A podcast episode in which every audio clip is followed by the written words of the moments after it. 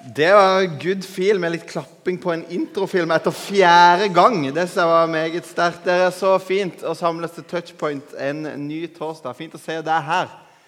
Og jeg, altså, Noen har tatt vinterferie allerede, har jeg skjønt. Men da er det jo ekstra bra at akkurat du er her. Og noen har jeg også skjønt jeg ser en eller annen fotballkamp som går akkurat nå. Eh, og Da har jeg lyst til å si at du har valgt en god del, og Herren kommer til å lønne deg for akkurat det. Eh.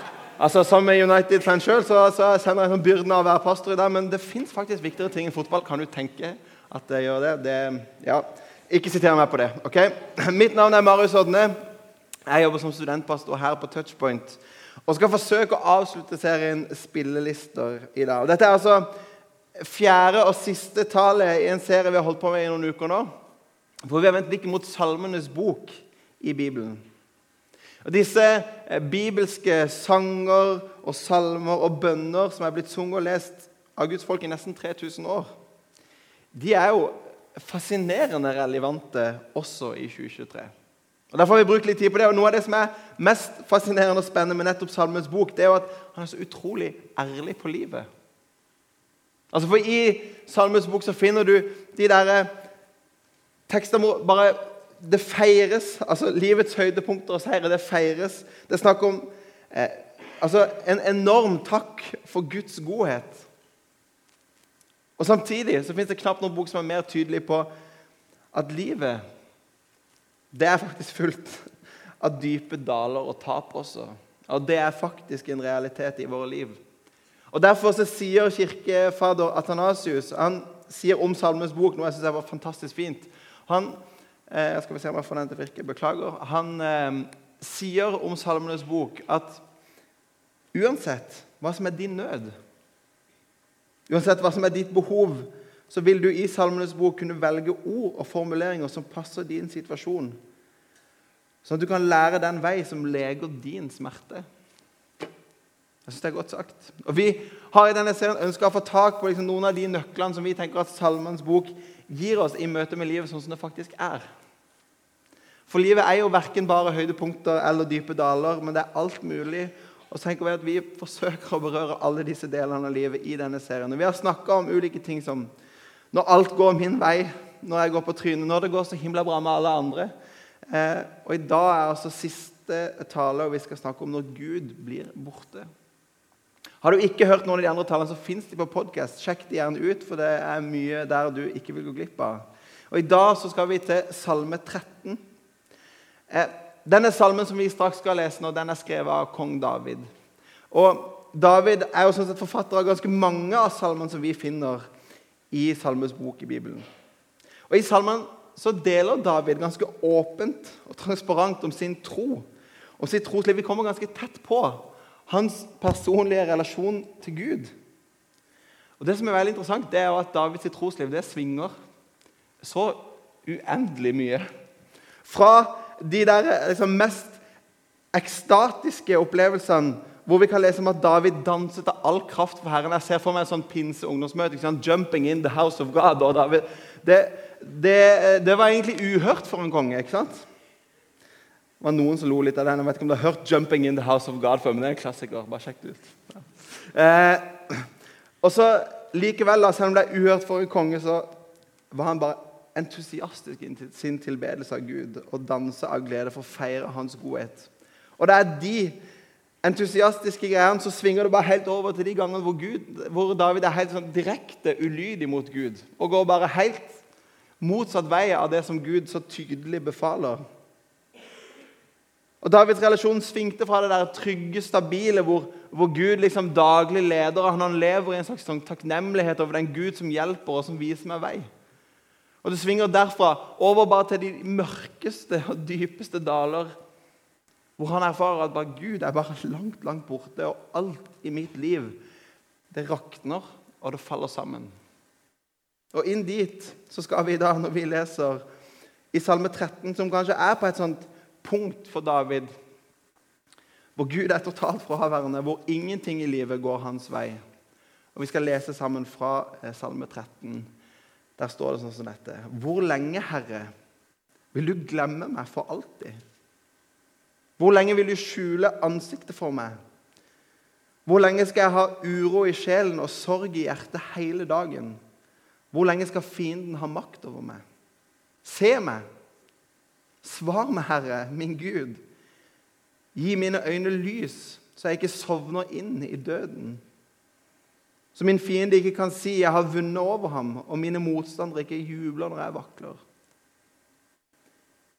Men jeg setter min lit til din miskunn, og mitt hjerte skal juble over din frelse. Jeg vil synge for Herren, for Han har gjort godt mot meg. Vi skal be. Herre Jesus, jeg takker deg for at når vi samles til touchpoint, så samles vi om deg. Og Det er det vi ønsker å høre fra. Det er det vi takker og tilber og synger til. Og så takker jeg deg for at når vi er på touchpoint, så er vi ikke bare folk samla et sted, men du er her. Midt iblant oss. Og tenker jeg at Det er det som gjør hele forskjellen. Takk, Gud, for at du kjenner hver enkelt av oss. Og så vet du akkurat hvor vi er på dette store følelsesspennet, og hva som foregår i våre liv, og hvilke følelser som preger våre liv.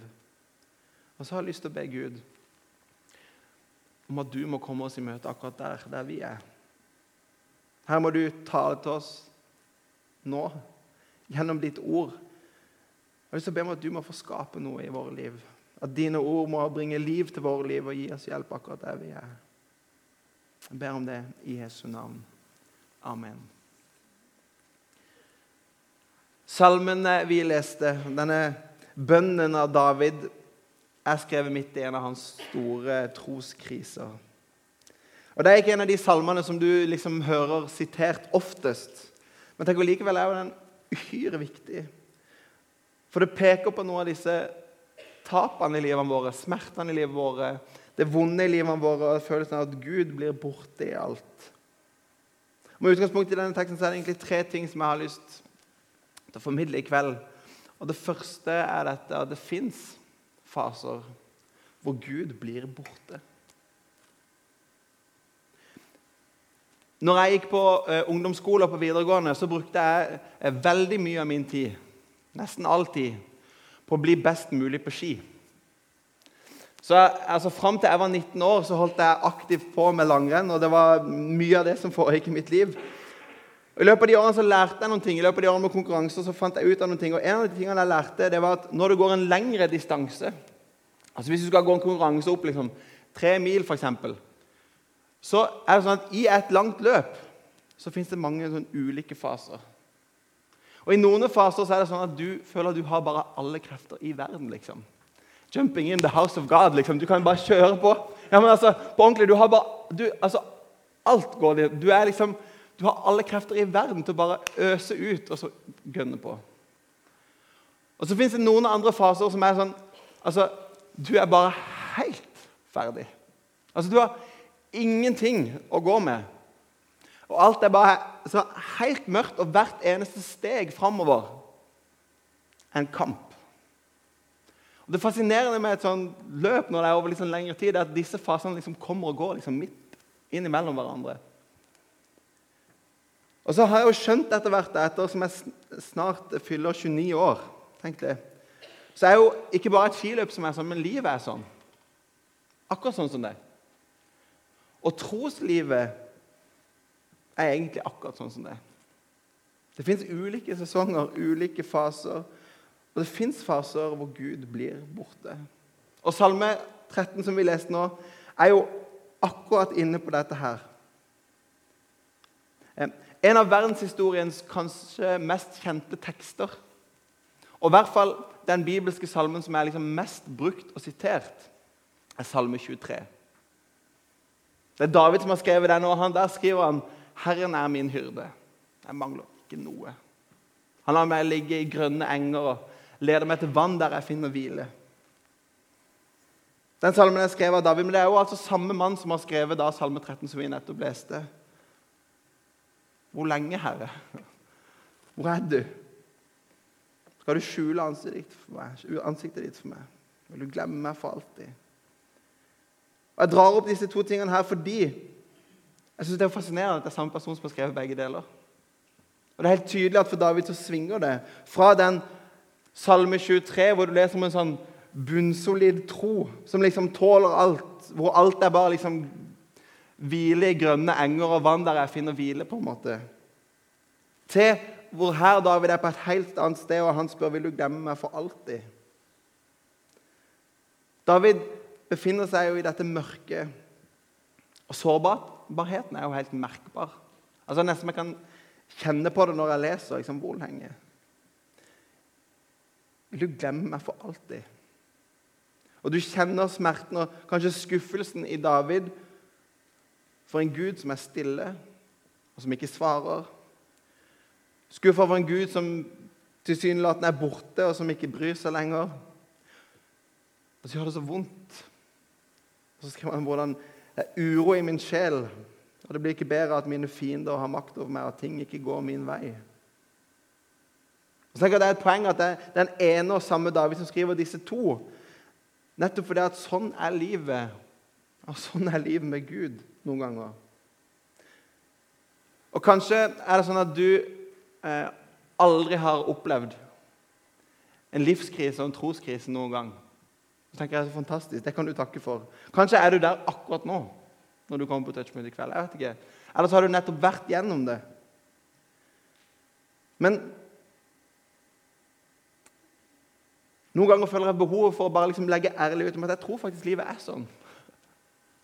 Og det, Derfor går det an å snakke om det sånn at det går an å være forberedt på det når det kommer. Eller hvis vi står midt i det, hvordan, hvordan kan jeg da leve med det? Og hva skal jeg gjøre den dagen det faktisk kommer? Og Bibelen er full av eksempler på mennesker som opplever et sånn mørke. At Gud blir borte, at de er skuffa av den Gud som skulle være der, som sa han aldri skulle svikte meg, og så gikk det sånn i mitt liv allikevel.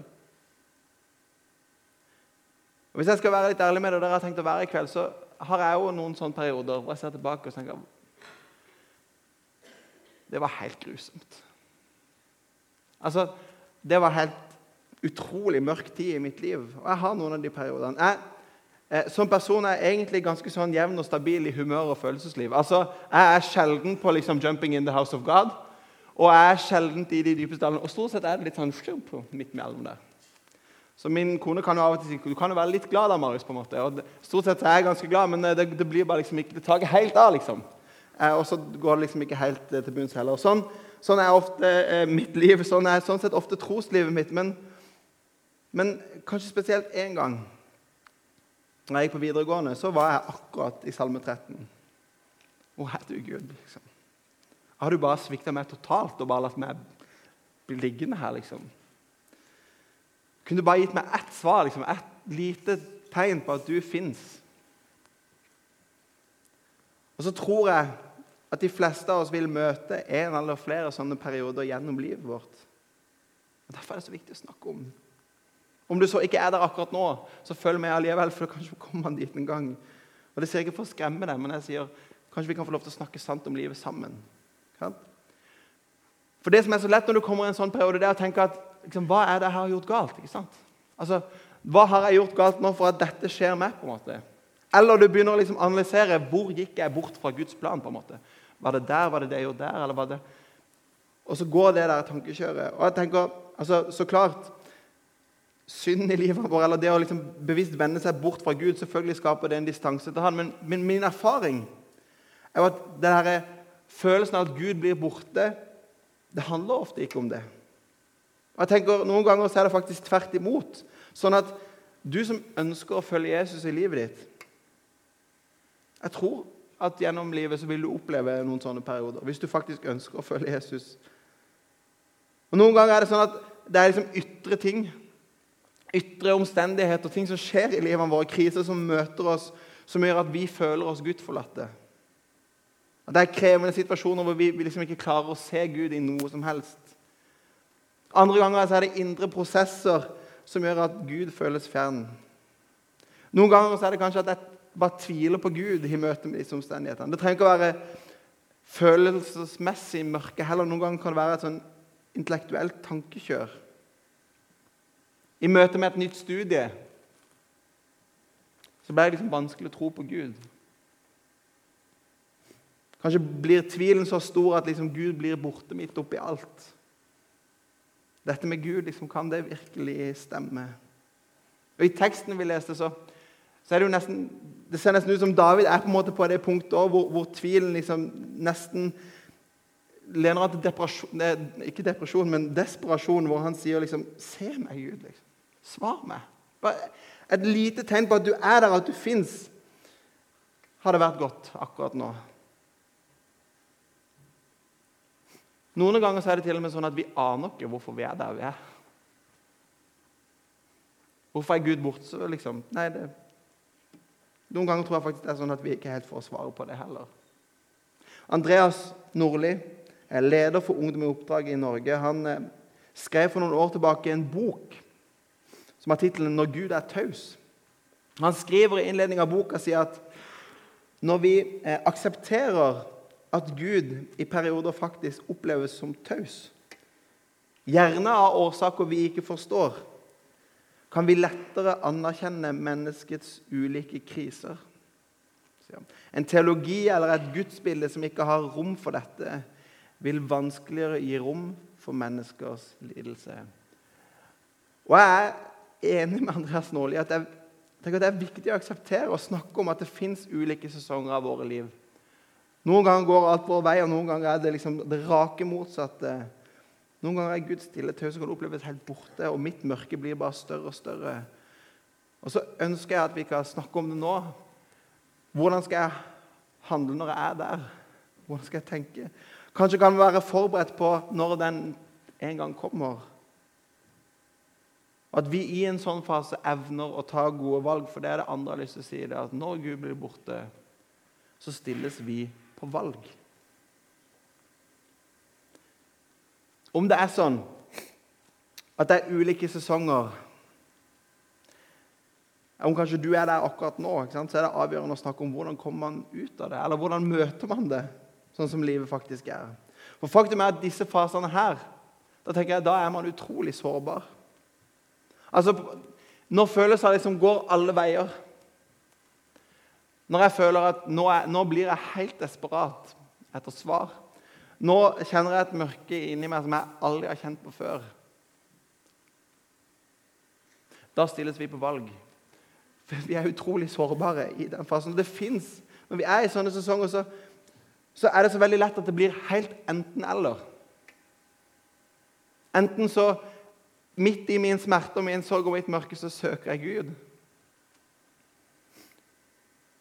Ellers er jo kanskje historien sånn altfor ofte at jeg går motsatt vei og tenker nå vil jeg ikke ha noe mer med Gud å gjøre. Og så legger jeg alt vekk.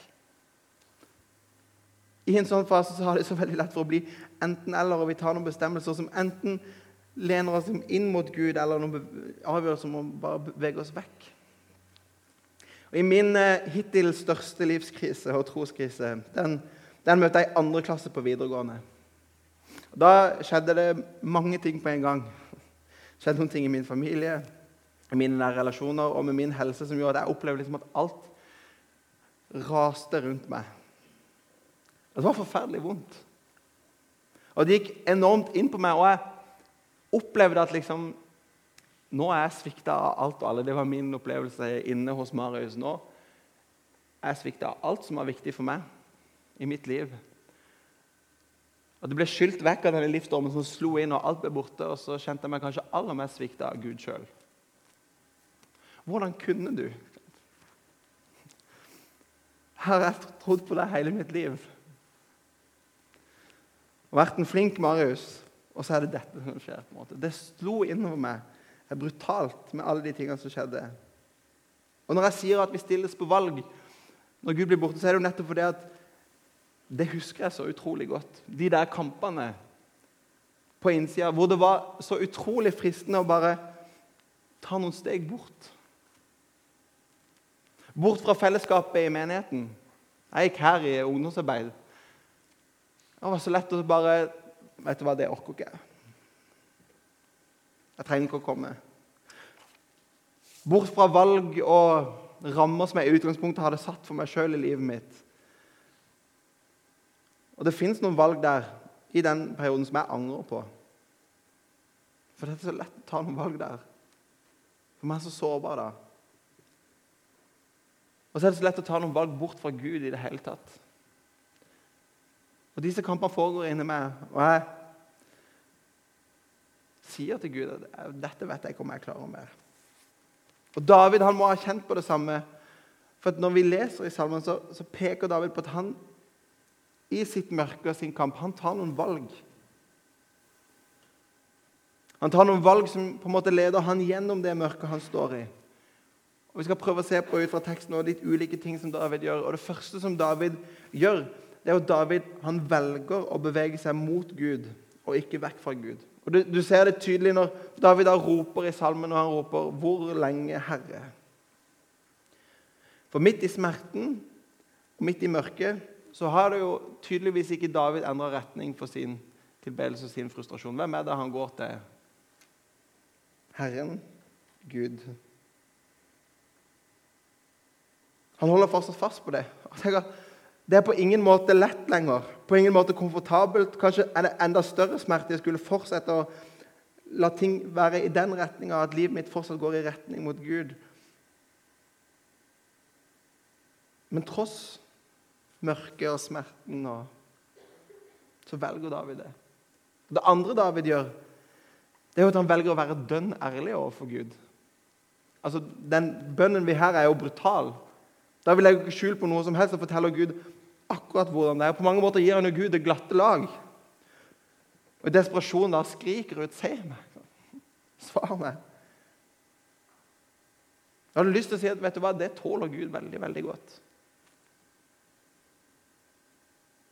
Det fins ikke noe bedre sted å gå med sin klage og sin desperasjon og sitt mørke og sin smerte enn nettopp dit. Til han som kjenner deg fra før, som ikke blir overraska over hva du kommer med. Men der går det an å sette ord på noen av de tingene som foregår i livet. Hvor man ikke bare later som alt er bra lenger, men David er dønn ærlig. Så hva er det David gjør? Hvilke kloke valg er det han tar? Jo, han, han fortsetter å la Gud få lov til å være retninga for livet. Han, han er dønn ærlig med hvordan livet er. Jeg tenker, I min krise så var disse to tingene her, som David nå nettopp har eh, skissert for oss, helt avgjørende for at jeg ikke bare la alt på båt. Når jeg ser tilbake nå, en del år etter, så er jeg jo uhyre takknemlig for at jeg kunne gå til Gud og være ærlig overfor ham. For sånn var min hverdag i den perioden der. Jeg skal si mer om det etterpå. I, i tillegg så var jo fellesskapet helt avgjørende. Altså jeg, Selv om jeg noen ganger ikke bare jeg orker ikke å gå Jeg orker ikke å høre om Gud og sånn på et møte. Så gikk jeg stort sett og så har jeg noen å prate med, og så har jeg noen venner som, liksom, som verner om meg. og så vet jeg at det fellesskapet, Uten det fellesskapet så hadde jeg aldri vært her. ikke sant? Og Da vil velge de valgene inn, midt i det som er vanskelig. Og jeg kjente at det er så lett for at jeg bare melder meg ut. Midt i min krise så hadde jeg ikke sant, ungdomsarbeidere, hadde gudstjeneste. Jeg hadde til og med folk på skolen. Så om jeg ikke orka å treffe folk noen ganger og låste meg inne, så hadde jeg det fellesskapet. For meg var det helt avgjørende. Jeg husker de gangene hvor jeg satt inn på det bønnerommet inn bak der og grein mine tårer. For dette var så krevende. Men jeg tror det er avgjørende å ikke melde seg ut. Jeg hadde lyst til å si at Det er jo avgjørende å tørre å stille spørsmål. I min krise så var det sånn at jeg tvilte masse og begynte å stille spørsmål fordi jeg på en måte trodde Gud at, du, at dette skulle gå bra. Og så opplever jeg at alt rakner, og så var min opplevelse Gud og svikta meg. Du har forlatt meg. Hvordan kan jeg tro på deg hvis dette er det jeg får? liksom? Og For meg var det helt Jeg vet ikke om jeg klarer dette mer. Men det går an å stille spørsmål. Undersøkelser viser jo at nettopp vi som er her, som er studenter, er jo kanskje de som kjemper mest med disse spørsmålene om, om tvil. Ikke bare sånn det mørke, det smertelige, men både liksom det intellektuelle og hvordan kan jeg egentlig tro på en Gud?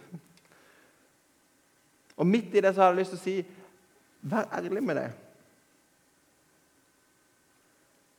Og Jeg opplever noen ganger når jeg prater med folk, at liksom de, de, vil helst ikke snakke om sin tvil, for da føler de at det er feil å tvile. Så har jeg veldig lyst til å si på Touchpoint at en, det er helt greit å tvile. Og tvil er ikke eh, det motsatte av tro. Vantro heter det som er motsatt av tvil. er noe annet. Og Min opplevelse er at hvis du tviler og tør å stille spørsmål om det, tør å snakke om det, tør å åpne opp og så stille de spørsmålene, så er det ofte sånn at tvil leder til tro. For at i de spørsmålene du har, så møter Gud med noe. Så når du åpner opp, tør å stille de spørsmålene, så går det kanskje an å oppleve at Gud møter med et eller annet svar. På et eller annet vis så lander det når jeg tør å sette ord på de tingene som jeg syns er vanskelig. Jeg tenker, hvis touchpoint kan være en plass hvor det går an å snakke om de tingene som er vanskelige også, sette ord på de tingene som ikke funker, da er vi kommet langt på vei. Det tredje David gjør, det er at han holder fast på det han vet. Altså han, han, han, fortsetter å tro på det han egentlig vet er sant, selv om følelsene sier noe helt annet. Vi leste jo at han sier men jeg setter min lit til din miskunn. Det jeg vet er sant, det jeg har lært. Selv om alt inni meg skriker noe annet nå, så velger jeg å holde fast på at du er en kjærlig Gud som elsker meg, og som har nåde for meg. David gjør noen valg.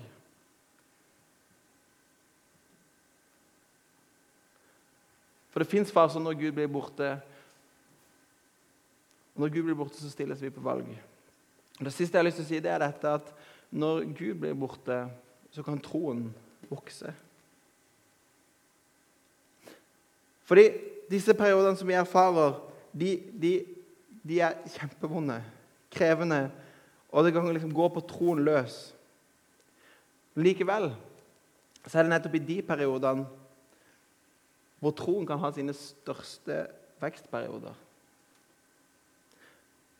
Nå fortalte jeg dere nettopp om min krise i andre klasse på videregående. og Det var en grusom tid på mange måter.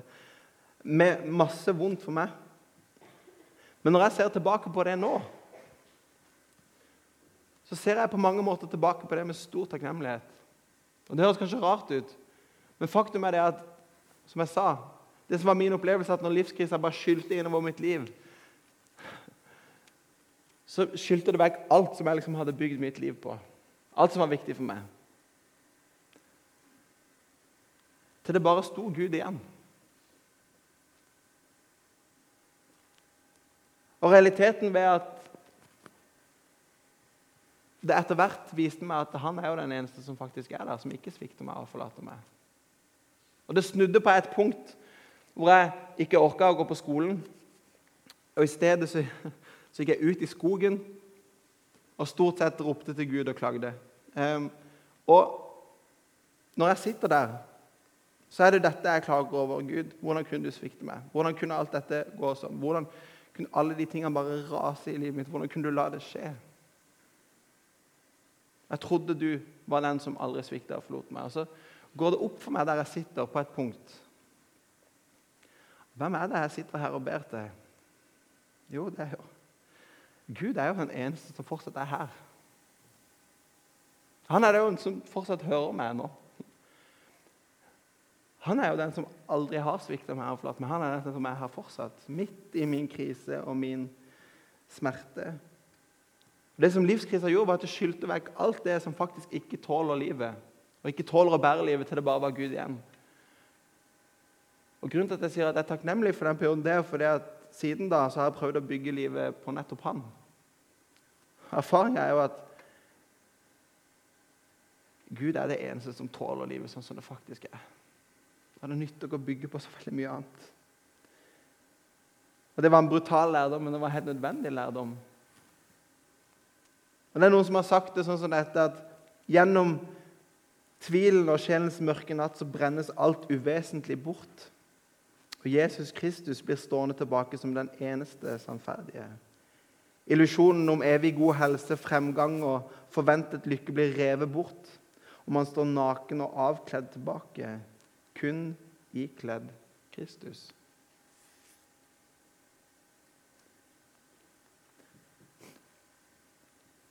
Gjennom flere år nå så har jeg hatt den store gleden av å vie unge mennesker her på menigheten som skal gifte seg. Det er noe av det gøyeste jeg gjør. I sommer, så, Jeg vet ikke om Even og Linnea er her i dag, men jeg fikk lov til å vie e- Even og Linnea i sommer. Det var fantastisk.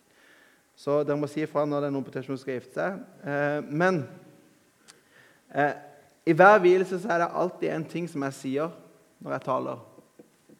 Og jeg sier egentlig noe om at ekteskapet også, på samme måte som livet, det har ulike sesonger. Og I starten av et forhold er man dypt forelska. Liksom en fantastisk følelse hvor alt bare er liksom 'jumping in the house of God'. ikke sant? Det er fantastisk å være forelska. Men på et punkt i et lengre forhold, i et ekteskap, så, så er det sånn at følelsen av å være forelska blir borte. Og så går det over i noe som er mer varig.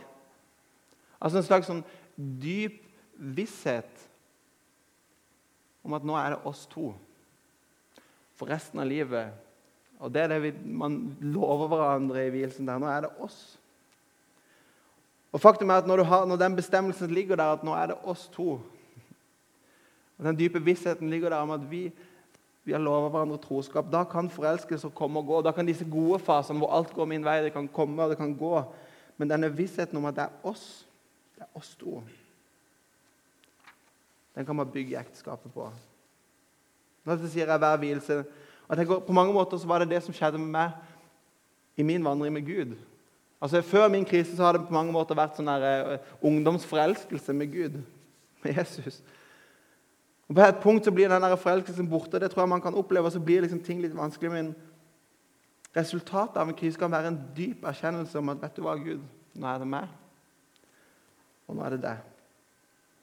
Resten av livet. Vet du hva, Da kan livet bringe det det bringer. Og Jeg kan føle det jeg føler, og jeg kan ikke føle Men nå er det mer det. Resten av livet. Jeg vet ikke hvordan dette lander hos deg. Kanskje har du ennå ikke opplevd en livskrise og troskrise. og Da tenker jeg dette høres kanskje heftig ut. Men da håper jeg at du kan ta med deg noe som forbereder deg på det som en gang kanskje kommer. For livet er ikke bare en dans på roser. Kanskje står du midt i en krise akkurat nå og kjenner at alt raser rundt deg. Og du er usikker på om du klarer å holde deg stående om troa ryker. Og kanskje er du her som kjenner på denne tvilen har liksom tatt solid tak. Og Kanskje du akkurat har vært gjennom en krise nylig og kan, kan, se tilbake på noe av det du lærte deg, uansett hvor du er. Så har jeg lyst til å si til oss alle sammen Kan vi huske på å ta et steg inn og ikke bort når krisene møter oss? Og vende oss til Gud og vende oss til hverandre. Forsøke å være ærlige overfor Gud og overfor hverandre om hvordan livet faktisk er. Om de tingene vi syns er vanskelige, som vi tviler på, kan vi, kan vi, snakke med hverandre om det? Kan vi tørre å stille spørsmål, sånn at Gud kan få lov til å møte oss i dem? Vi kan gjøre som David og stole på, på det vi vet. Selv om, selv om, følelsene sier noe helt annet, så kan vi stole på Guds løfter.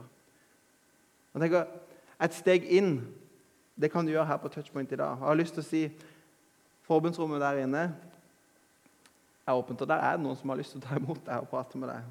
Og som jeg sa, Der har jeg sittet mine ganger og grent mine tårer. Der er det noen som vil be for deg og snakke med deg. Og Kanskje kan du sette ord på hva som skjer i livet ditt. Kanskje kan du bare si vet du hva, jeg orker ikke å si noe selv, så men kan du bare be for meg. vær så snill. Det er helt greit. Og så gjør de det. Jeg er litt på overtid her og skal si en siste ting. For Salme 13 den har noen helt klare paralleller til en anklagesalme, nemlig salme 22, hvor det står 'Min Gud, min Gud, hvorfor har du forlatt meg?' Denne salmen er den salmen Jesus siterer når han henger på korset. Faktum er at på korset så blir Jesus forlatt av Gud fordi han ble gjort til synd for oss.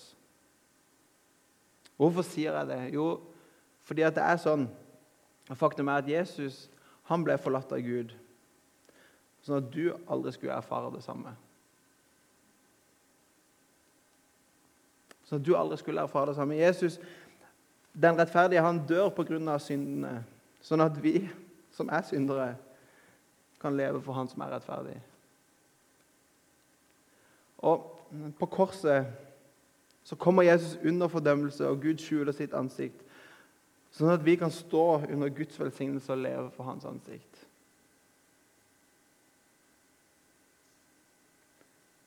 Jeg har lyst til å si det igjen her. Jesus han blir forlatt av Gud, sånn at du aldri skal erfare det samme. Derfor kan du stole på at Gud han vil aldri svikte deg og aldri forlate deg. Og han ga sitt liv for deg. for at du aldri skulle få oppleve det. Jeg skal straks ta og be, og etter jeg har bedt, så skal du høre en solosang her oppe fra. Da kan du få lov til å bare bli sittende, reflektere over de, noen av de tingene som jeg snakker om her. Høre på teksten. Og så er forbundsrommet åpent fra nå og ut resten av møtet og etterpå, så vi tar og ber. Herre Jesus, jeg takker deg for at du er den Gud som rommer alle livets faser. Jeg takker deg, Herre, for at hos deg kan vi komme med all den glede. Vi kan komme til deg når livet går vår vei, når alt går vår vei. Men takk for at du også rommer, Herre, vår smerte og vår kamp og vår nød. Og vår sorg vår nederlag. Takk for at du tåler, Herre, at vi kan komme til deg og kan være brutalt ærlig med at sånn er livet faktisk. Og så takker jeg deg, Jesus, for at det er sånn at når vi åpner opp livene våre og setter på at sånn er det faktisk å være med